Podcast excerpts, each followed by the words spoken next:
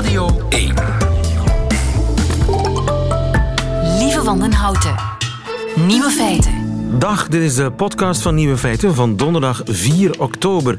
In het nieuws vandaag dat in een park in Washington de geiten verslaafd zijn geraakt aan menselijk zweet en urine.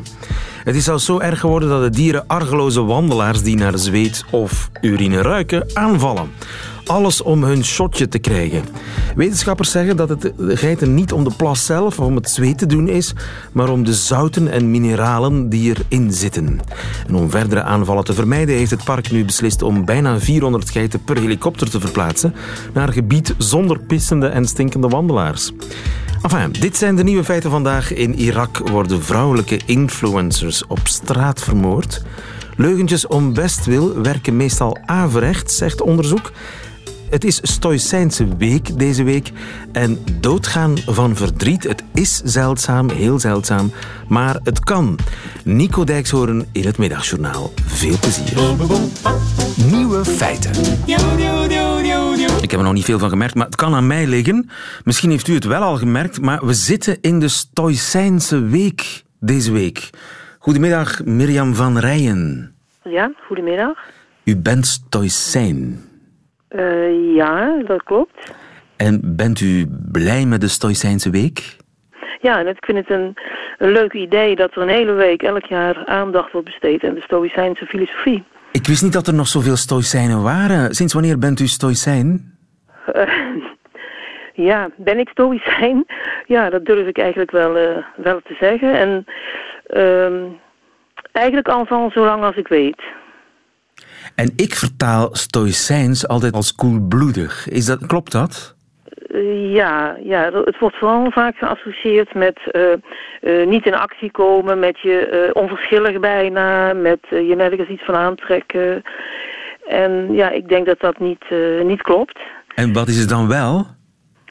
wat het voor mij als, als filosoof is, is dat, dat je door een bepaalde kijk op de werkelijkheid uh, geen last hoeft te hebben van allerlei negatieve, vervelende emoties. En dus juist vanuit je gemoedsrust die je hebt veel meer energie overhoudt om in actie te komen tegen de dingen die je echt niet zou niet willen hebben. Ja, ja, dus u kiest uw strijdpunten, zeg maar. Ja, ja, ja. Je, je, door niet in emoties te schieten, zoals woede of, uh, of afgunst, uh, is het mogelijk om de realiteit gewoon onder ogen te zien. En dan is de tweede stap nadenken over hoe je, wanneer je denkt dat je daar iets aan zou kunnen verbeteren, hoe je dat dan kunt doen, hoe je dat kunt aanpakken. Maar is dat niet makkelijker gezegd dan gedaan? Je emoties, niet in emoties schieten, maar blijven nadenken? Ja, het klopt. Dat dat voor heel veel mensen erg moeilijk is, omdat uh, mensen heel vaak al bepaalde ideeën hebben over wat er mag en wat er moet en wat niet deugt en, en wat niet goed is en wat een ander niet mag doen. En die ideeën, ja, die geven juist uh, de, de emoties. Maar stel nu dat, dat u een hond, ik weet niet, heeft u een hondje? Nee, nee. Maar stel nu dat u een hondje zou hebben en ik, ik ga daar opzettelijk op trappen. Ja? Hoe zou u daarop reageren? Nou, daar zou ik wel actie op ondernemen. Maar dat staat los van het actie ondernemen. Dat is juist eigenlijk stoïcijns. Dat je in actie komt, dat je iets doet tegen de dingen die je liever niet hebt. Maar dat zonder dat daar ook een, een bepaalde emotie voor nodig zou zijn. Omdat vaak, als dat vanuit een emotie is, iemand die bijvoorbeeld vreselijk woedend zou worden in zo'n situatie, die kan ook niet meer helder in het oog houden waar hij of zij eigenlijk over de schreef gaat. Of waar uh, je iemand iets gaat aandoen, terwijl dat ook anders had gekund. Ja, maar dat kun je dus trainen, je emoties onderdrukken en je verstand laten primeren. Ja, het is, het is niet onderdrukken. Het is nog erger, zou ik zeggen. Het is, het is dat, nog erger. Dat ze niet opkomen. Maar is dat iets wat je leert of is dat iets waarmee je geboren bent? Dat, dan laatste, dat weet ik niet. Misschien zijn er mensen die dat iets makkelijker of al vanaf kinds af aan eigenlijk in de gaten hebben dat, dat je wel iets kunt doen tegenover de dingen die je liever niet hebt, maar dat het uh, dat meer een houding is vanuit inzicht dan vanuit een emotie uh, aangestuurd. Dat, ik weet niet, dat, dat, zou, daar durf ik geen uitspraak over te doen. Maar het, het staat in elk geval het stoïcijns zijn voor de, de, de, de filosofische opvatting dat dingen die gebeuren en die gebeurd zijn, dat dat nou eenmaal de realiteit is. En dat het weinig zin heeft om daar ook nog je kwaad over te maken of, of je schuldig te voelen. Dat het wel handig kan zijn om in actie te komen tegen de dingen die je liever hebt of niet hebt. Maar dat dat juist beter kan en met minder nadelige gevolgen, misschien voor andere mensen ook. Of voor, voor jezelf, dat het ook kan vanuit de, de, de drive, de, de idee dat je hier iets aan wil doen, omdat je bepaalde zaken gewoon liever niet hebt. Maar dat is iets waar, waar u eigenlijk zelf geen moeite mee had om dat te doen. U heeft dat niet in de loop der jaren moeten verfijnen en oefenen. Nee, dat klopt. Dus ik, zolang als ik weet, uh, ja, vond ik dat eigenlijk al. Dus ik heb het in die zin makkelijk. En eh, zijn er ook nadelen aan verbonden? Want ik kan me voorstellen dat je ook echt euforische gevoelens dan niet meer hebt. Nee, nee, dat is natuurlijk een vreemde idee. Want uh, alleen al het, het, niet meer hebben van een, niet hebben van een schuldgevoel of een, of een woede, dat is op zich natuurlijk al, het is al rust, maar het is tegelijkertijd ook een prettig gevoel. Daar kun je ook gewoon uh, van genieten. En er komt bovendien ruimte voor dan de nog meer prettige gevoelens van je ergens op verheugen, je ergens blij mee zijn, dankbaar dat het gebeurt, het mooi vinden. daar komt eigenlijk meer ruimte ja. voor. Ik, uh, ik wil het leren, dus ik moet naar de, de grote uh, Romeinse filosofen, uh, Seneca. Ja, Seneca is bijvoorbeeld. Grijpen, Marcus Aurelius, dat was toch ook een keizer, geloof ik, hè? Dat was een keizer, ja, ja. Die die zat in zijn veldtent zat hij dat te oefenen om een beetje stoïcijns te worden. En daarover dat te schrijven. Maar eigenlijk is Seneca is een, uh, denk ik een hele belangrijke uh, stoïcijnse filosoof. En de, de eerste filosoof, de eerste stoïcijnse filosoof in, in Griekenland was Epictetus. Die, die zijn ook heel goed te lezen. Zij schrijven heel eenvoudig. Uh, ja. Voor iedereen. Het hoeft niet uh, altijd mindfulness te zijn. Dankjewel Mirjam van Rijen. Goedemiddag. Oké, okay, dankjewel. Dag. Nieuwe feiten. Foute jingle eigenlijk, heel erg vrolijk, maar uh, er is veel minder vrolijk nieuws. Want vrijdag is Tara Fares vermoord. Tara Fares, influencer, met uh, bijna 3 miljoen volgers op Instagram. En zij is vrijdag doodgeschoten uh, toen ze door Bagdad reed, waar ze niet woonde, maar ze was wel in wel haar land. Uh, ze reed door Bagdad in uh, haar witte Porsche Cabrio. Amper 22 was ze. Het vierde vrouwelijke rolmodel al op korte tijd dat in Irak vermoord wordt. Goedemiddag, Dashni. Goedemiddag. Dashni Morad, jij bent ook een influencer. En meestal uh, woon jij ook in Irak. Je bent heel even terug in Nederland, waar je opgegroeid bent. Uh, wie was Tara Fares eigenlijk? Tara Fares was een, uh, mooie, getalenteerde jonge meid, 22 jaar oud, een megaster in Irak. En uh, zij uh, gebruikte social media om een positieve kant van Irak te promoten onder de jongeren. Maar ook tegelijkertijd unapologetic, rebellious. zij praatte vaak over haar persoonlijke vrijheid. En, uh, en ja, die vrijheid die toonde ze ook. Die foto's waren ook uh, foto's van een jonge vrouw in alle vrijheid. Op café. Ja, absoluut.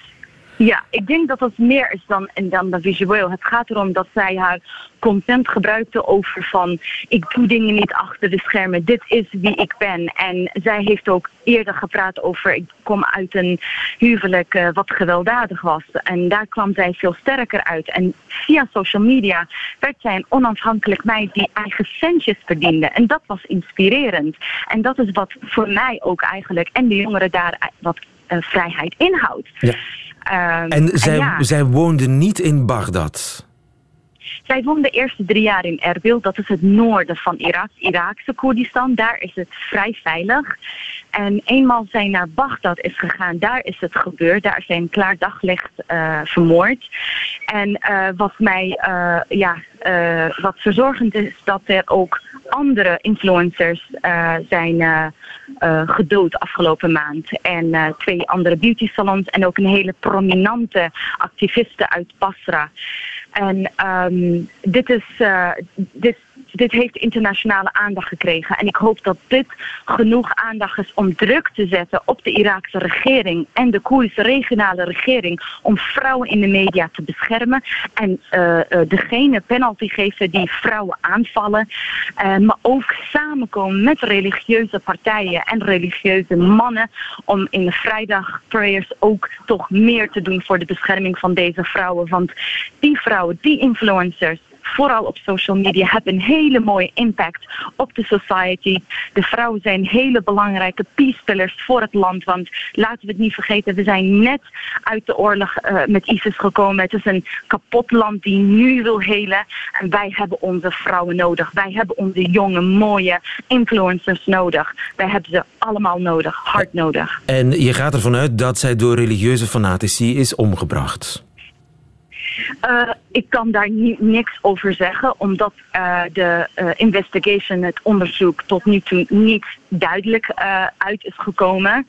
Maar ik ga er van wel van uit dat bepaalde groeperingen zijn die vrouwen als Tara Fares willen uitfilteren, stilleggen. En ik ben zelf daar ook in het verleden de dupe van geweest voor een aantal jaar. Alleen ben ik sterk genoeg geweest om bepaalde manieren te vinden om daar uit te komen, mezelf te kunnen uh, redden. En ik ben nu zo sterk uitgekomen dat ik boven dat lijden sta. En als boodschap wil ik doorgeven aan alle influencers om, om angst in de gezicht te lachen. Om samen te komen, samen sterker te zijn en en, en anderen benaderen. Niet bang zijn naar de maatschappij, naar de mannen. Want dat is precies wat bepaalde terreurgroepen van ons willen. Maar jij bent dus ook bedreigd geweest in het verleden? Klopt. En hoe, hoe uitziet dat? Hoe ging dat? Nou, het was uh, publiek uh, mij, uh, you know, sorry, I just have to go English for a second. I was no publicly problem. shamed. I was um, sexually exploited and discriminated based on my gender. En privéfoto's van mij die door het hele land rondging. En op dat moment denk je van, um, oh, dat is schaamte. Er moet iets mis zijn met mij. Dus ja. je gaat er niet voor op uitkomen. Want wie gelooft nou daar de vrouwen? En dat zie je ook in Amerika. Wie gelooft een vrouw die voorop uitkomt dat er bepaalde dingen is gebeurd? Dat, vooral met geweld of uh, ja. uh, uh, rape. Dus ik, ik heb mijn mond gehouden. Ik heb s'nachts richting de battlefield ben ik gegaan waar ze tegen ISIS aan het vechten waren. Om zo mijn eer te beschermen. Ik kon niet denken aan mijn veiligheid, maar ik moest denken aan mijn eer. Ik heb hard moeten vechten, bij verschillende mensen langs gaan om mezelf te kunnen beschermen uh, tegen mijn former uh, sponsors. Het is gelukt.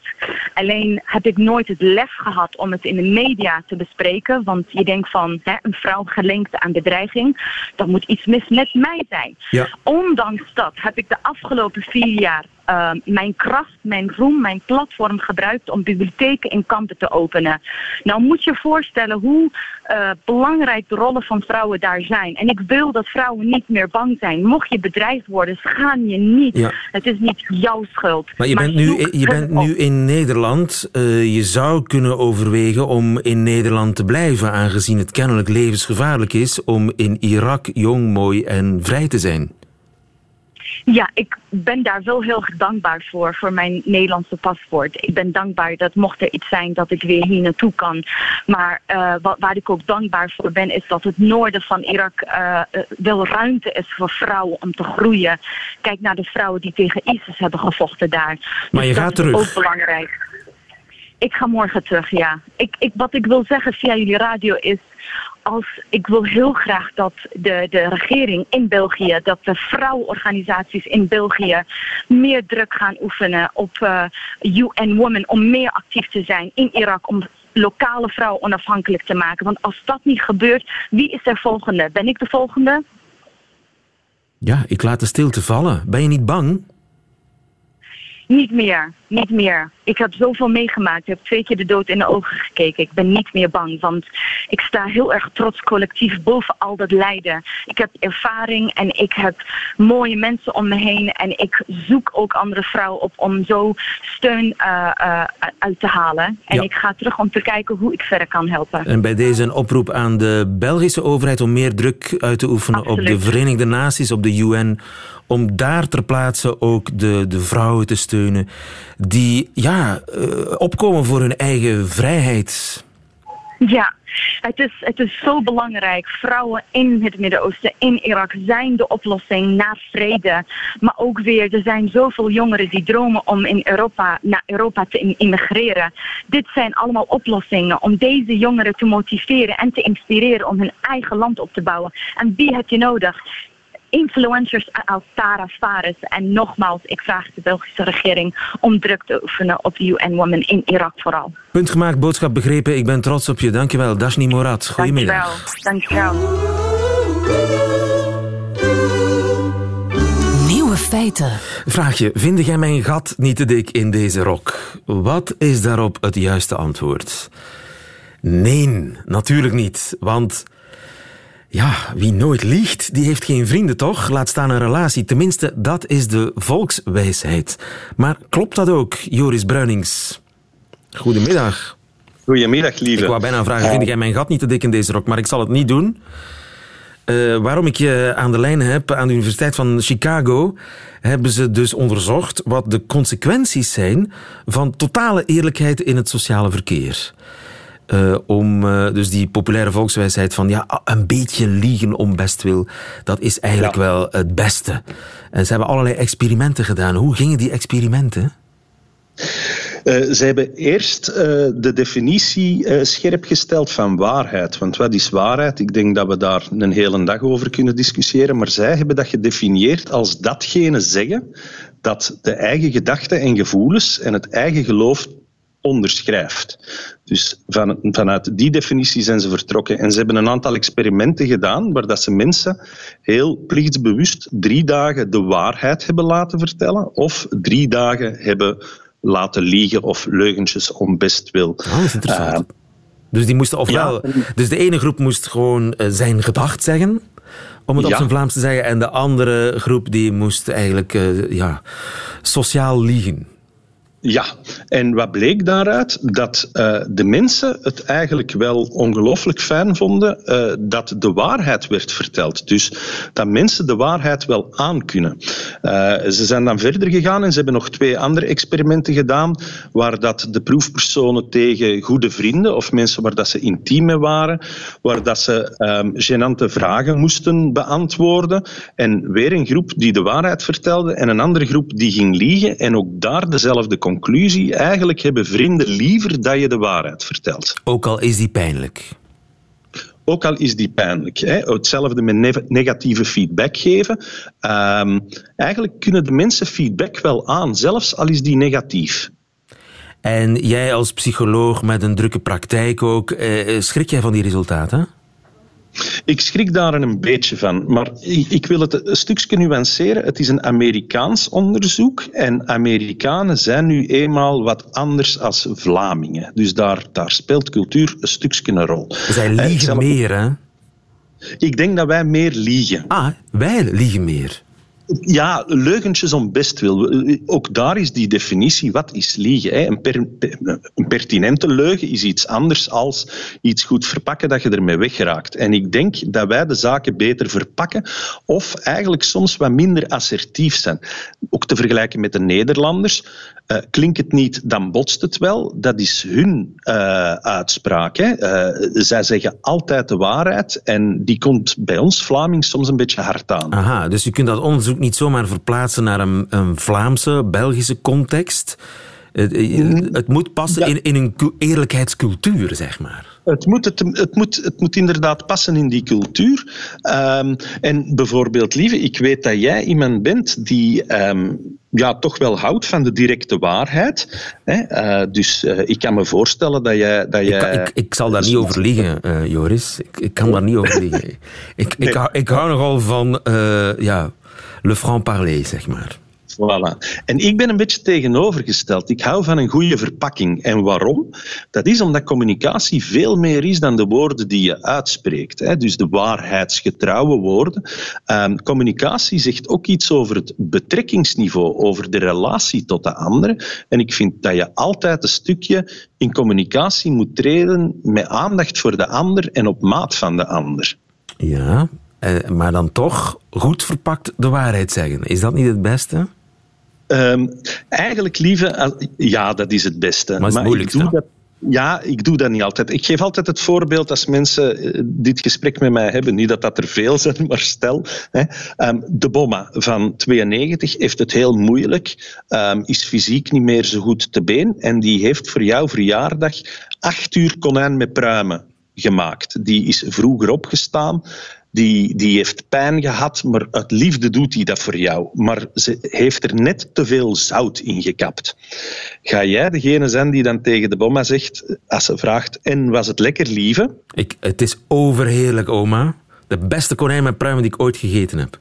Ja, dan lieg je omdat het het gaat niet over de konijn met pruimen, die communicatie. Het gaat erover dat jouw bomma met heel veel liefde dat voor jou heeft gemaakt. Tuurlijk, maar daar, daar denk ik dat niemand eh, aan twijfelt. Maar zou het toch niet beter zijn om een klein beetje meer ons gedacht te zeggen? Ook al zit dat niet in onze cultuur. Ja, absoluut. En het werkt. Hè. Als je, zeker als je opkomt voor jezelf zonder de ander te kwetsen. Dus als het gaat met heel veel respect voor de ander dan mag je in C altijd de waarheid zeggen. Als ze mij bellen en ze vragen, kan dat? En, ik, ik, zit heel druk in de agenda, dan is het beter dan dat ik zeg, nee, ik kan nu niet meehelpen verhuizen, want ik heb het heel druk, in plaats van daar slechtgezind of uitgeput mee te staan verhuizen. Ik hoor het u graag zeggen. Joris Bruinings, dankjewel. Goedemiddag. Goedemiddag. Nieuwe feiten. Je hoort het wel eens zeggen, Oma heeft het opgegeven en toen ging ze dood. Want ja, opa was net gestorven en ze voelde zich niet thuis in het bejaardentehuis. En toen heeft ze als het ware besloten om te sterven. Tenminste, zo leek het wel. Maar kan dat eigenlijk? Goedemiddag, dokter Camus. Goedemiddag, Levin. Uh, u heeft een boek geschreven hè, over leven en dood, ook alweer een paar jaar geleden. Ja, inderdaad. Ja. Uh, het ja. is uh, John Leach, psycholoog aan de Lancaster Universiteit, de Lancaster Universiteit in Engeland, die die kwestie heeft onderzocht. Hè. Of dat eigenlijk kan, dat als het ware de geest het begeeft, de geest beslist om het lichaam stil te leggen. Ja, ja waarschijnlijk kan het wel maar niet in die mate dat je zegt ik ga nu beslissen om te sterven en dan ga ik sterven. Dat bij hele oude mensen, ja, die zijn op een bepaald moment ook uh, op, fysiek op. Uh, en dan als ze zich laten gaan, inderdaad, ga je die fysieke op zijn, ga je dan een beetje versnellen. Maar eigenlijk zeggen, ik ga nu sterven, dat lukt niet. Maar... Zelfs niet bij oma, in het geval dat ze net nee, nee, uh, haar man verloren heeft en net verhuisd is naar een, ja, ja, een vervelend bejaardentehuis en zo. Het, het, punt daar is dat je met hele, hele oude mensen zit, die inderdaad, uh, wat dat het, het lichaam op is, dan, dan kan dat wel. Maar wat onze vriend Leach hier bedoelt, is totaal iets anders. Leach spreekt over de psychogene dood. De psychogene dood. De psychogene dood, ja. Dus uit de en geest uh, voortvloeiende de dood. Ik ga nu dood. Ja, ja. En dat Oei. duurt dan een ja, paar weken. Hè. Nu, je moet weten, ik heb die liedjes uh, opgezocht. Wat die man doet, die zijn uh, de schenen gewone.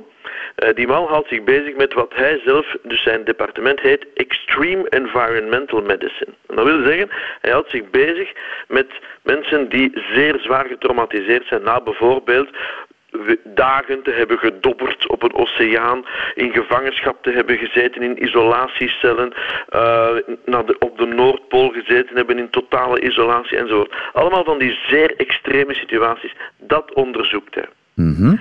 En in die groep van, van extreme trauma's, zeg maar, daar heeft hij dus uh, case studies gezien, mensen gezien die inderdaad op een bepaald moment beslissen, kijk, uh, dit trauma is zodanig dat ik geen enkele keuze meer heb dan dood te gaan. En dan is er eigenlijk geen... Uh, het is niet het hart die het opgeeft? Nee, of, het is of de geest. De geest. De dat ja. kan dus echt? Dat kan dus echt, maar in die extreme omstandigheden. Dus wat, wat, wat gebeurt er? Hij beschrijft dat. Hij heeft dat waarschijnlijk gezien en dan door daar aanwezig te zijn en die mensen te volgen, die verschillende stadia te kunnen noteren. En wat ziet hij dan? Hij zegt, voilà, er is een zeer zwaar trauma eh, um, en dan mensen trekken zich terug uit, het, uit de samenleving. Emotioneel wordt men onverschillig, lusteloos enzovoort. Op zich is dat niet slecht, denk ik.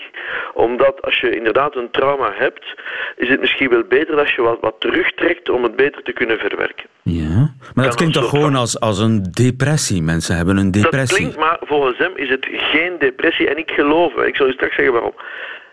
als dat niet stopt, dat trauma zegt oké, ik verwerk het, die kan het niet verwerken, dan ziet hij een volgende fase waarbij mensen in een soort van, van melancholie terechtkomen en dat ze niet meer om zichzelf geven. Dat wil zeggen dat ze zich beginnen te verwaarlozen, ze wassen zich niet meer enzovoort. De, de, meeste, de, de grootste onnozelheid wordt als een enorm zware taak gezien, dus ze zijn eigenlijk niet meer in staat om nog iets te gaan doen. Ja, maar ook dat klinkt in mijn uh, amateuroren als een depressie. ja. Juist, maar, en kan ik misschien even een terzijde, we hebben ooit een, uh, ik heb ooit les gekregen van een, uh, een professor psychiatrie, dat was een, een Joods professor, en die vertelde ons dat uh, in, in de concentratiekampen, waar uiteraard die extreme uh, trauma's werden gezien en ook in depersonalisatie, dat de mensen die daaruit kwamen later een soort levenslange melancholie hadden. En hij zei dat dat niet hetzelfde is als een depressie, maar een soort van er is een lijn overschreden, ik kan daar niet meer uit terug en ik blijf een soort levenslang in een, in een melancholische fase hangen. Dat zou die fase 2 kunnen zijn van onze vriend Leach. De shock is gewoon te groot. Juist, juist. En dat is niet een depressie, dat is gewoon, ja, uh, dit was te erg en ik kom er eigenlijk niet meer over. En dat geeft mij een zekere graad van melancholische apathie. En dat is dodelijk, dat kan dodelijk zijn. Wel, als dat verder evolueert, dus als dat, op dat nee, want de mensen ja, blijven dan leven. Maar je kan dan verder alsmaar meer afzakken en dan spreekt Leach over, over uh, de volgende fase, waarbij dat de persoon in kwestie uh, gewoon niks meer zegt. Die gewoon, die zit daar, heeft geen gedachten, geen emotie. En dat is het grote verschil met een depressie. Die mensen zijn, hun hoofd is, laat ons zeggen, leeg. Hun geest staat geparkeerd. Ze hebben geen gedachten meer, geen emotie. Je knijpt in die mensen hun, hun, hun bil bijvoorbeeld. Ze reageren niet. Hoewel ze perfect wakker zijn, het interesseert hun allemaal niet meer. het, is, het, lijkt op een comateuze toestand. Ja, maar daar evolueren ze eigenlijk ook in. in een, maar ze zijn wakker. Het is een comateuze toestand waarbij je, dat je wakker bent, hoe raar het ook klinkt. Uh, omdat de volgende fase is dat je, de persoon is, is heel bewust, maar is totaal onverschillig. Hè? Laat ook alles lopen, hoewel hij, of zij niet incontinent is voor stoelgang en urine. Laat men dat gewoon lopen. Waarom? Omdat men leeg is. Ja. En die mensen kunnen sterven. Maar dat zijn mensen die echt zeer, zeer zware trauma's ja, hebben. Absoluut. En dan, als je dat stadium bereikt hebt, dan schrijft of dan merkt uh, Leach op, kijk, als je hier zit, dan duurt het nog een dag of drie, vier. En dan ga je werkelijk in een, in een totale mentale desintegratie. En dan ga je dood. Dat duurt drie, vier dagen. Ja, maar dat is helemaal iets anders dan oma heeft het opgegeven. Maar natuurlijk. Dus het gaat, dat is wel duidelijk, het gaat over mensen die zeer zwaar getraumatiseerd zijn en die dan die verschillende stadia doorlopen. Uh, ik ben 35 jaar arts. Ik heb nooit zoiets gezien of niet gehoord van, van collega's dat ze zoiets meegemaakt hebben. Nu, je moet weten dat, dat Leach, zijn onderzoeksterrein, is natuurlijk buitengewoon raar. Hè? Dus uh, extreme, extreme trauma's. Ik heb je daar straks net verteld. Dus je moet dat zeker niet gaan toepassen op de bevolking. Dat is iets, iets, iets extreem zeldzaams. Helemaal helder, dankjewel professor Camus. Goedemiddag. Okay. Ja, beste nog. Nieuwe ja. feiten. Middagjournaal. Beste luisteraars, ik wil het met u hebben over een liedje. These southern gales, they rattle and they holler.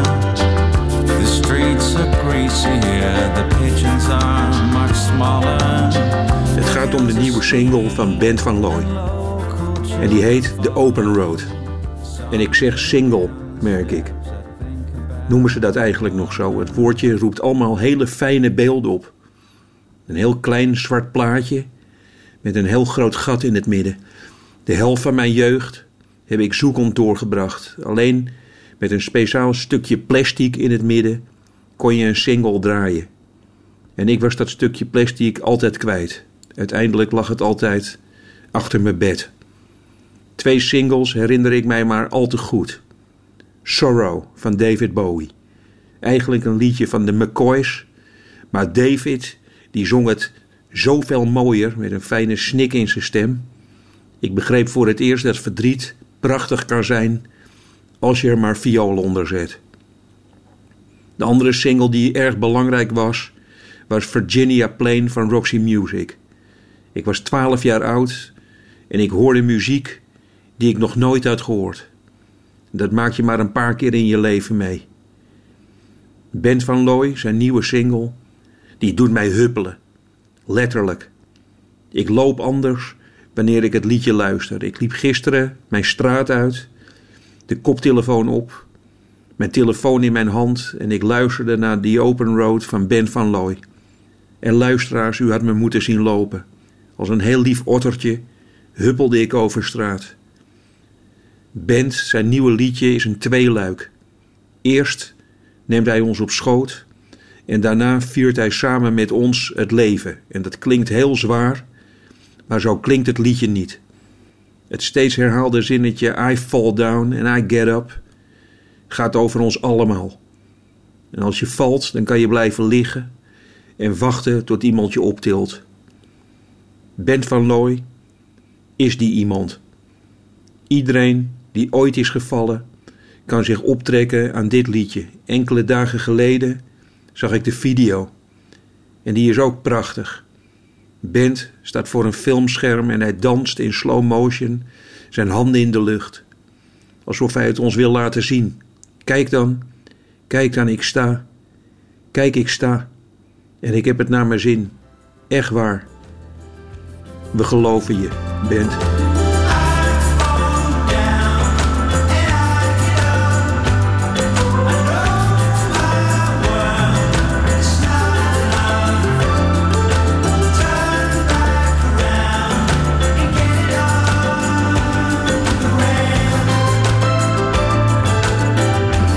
Nico Dijkshoorn in het middagjournaal. Een ode aan Bent van Looy.